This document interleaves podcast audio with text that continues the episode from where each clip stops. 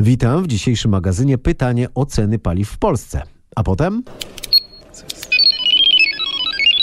czyli roboty w polskim przemyśle. Porównamy liczbę robotów w polskich fabrykach do danych dla krajów najbardziej zaawansowanych.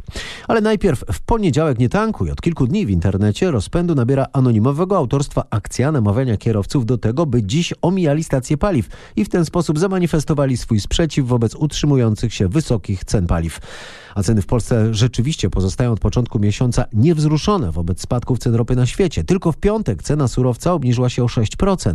Od 3 października, czyli przez 7 tygodni, cena baryłki spadła w Londynie z ponad 86 do niespełna 59 dolarów, czyli dokładnie o 1 trzecią. A w Polsce przez tych 7 tygodni średnia cena benzyny spadła zaledwie o 5 groszy, czyli o 1%. A olej napędowy, uwaga, podrożał i to aż o 20 groszy.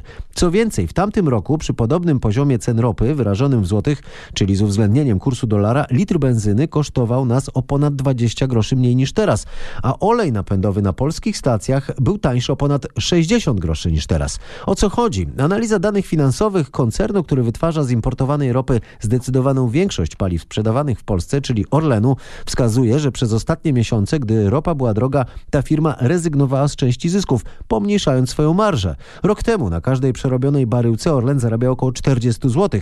W tym roku, gdy ceny spadły, raczej 20 do 30. Teraz, gdy ceny spadają, koncern znów chce więcej zarabiać na kierowcach. Spadki cen ropy na świecie są jednak na tyle głębokie, że możemy się wreszcie spodziewać spadków cen paliw na polskich stacjach. Według ekspertów te ceny obniżą się w tym tygodniu o kilka groszy na litrze. W naszym kraju na tysiąc pracowników przypadają trzy roboty, podaje Międzynarodowa Federacja Robotyki. To ponad dwa razy mniej niż wynosi światowa średnia i marnym pocieszeniem jest fakt, że poniżej tej średniej sytuuje się również ojczyzna pierwszej rewolucji przemysłowej, czyli Wielka Brytania. Liderami robotyzacji na świecie są Niemcy i Japonia. Tam nasycenie robotami jest 10 razy większe niż w Polsce. Zdecydowanie jednak przoduje Korea Południowa, gdzie na tysiąc pracowników przypada 20 razy więcej robotów niż w Polsce. Robotyzacja na razie postępuje tylko w niektórych gałęziach gospodarki, dlatego w naszym kraju jest na przykład aż 10 razy więcej robotów na tysiąc pracowników niż w specjalizującej się w przemyśle wydobywczym Rosji. Jednocześnie zrobotyzowanie polskiego przemysłu jest na przykład pięć razy mniejsze niż na Słowacji, która jest teraz krajem z największą na świecie produkcją samochodów na głowę mieszkańca. Profesor Andrzej Kolasa z Politechniki Warszawskiej zwraca jednak uwagę, że roboty dopiero zaczęły zmieniać przemysł. Liderem, jeśli chodzi o zastosowanie robotów, jest na pewno przemysł motoryzacyjny, bo tam na linii montażowej pracuje zdecydowana większość robotów. Później prawdopodobnie gospodarka magazynowa, gdzie roboty obsługują złożone magazyny. Dalej przemysł wytwórczy. No i wszędzie tam, gdzie rzeczywiście występują uciążliwe warunki pracy, gdzie możemy od człowieka odsunąć od ciężkiej, monotonnej pracy, tam gdzie w trudnych warunkach się to odbywa, gdzie jest niebezpieczeństwo, zagrożenie zdrowia czy, czy nawet życia. Tam rzeczywiście jest sens zastosowania robotów, nawet jeśli rzeczywiście analiza ekonomiczna wykazuje, że nie do końca się to opłaca.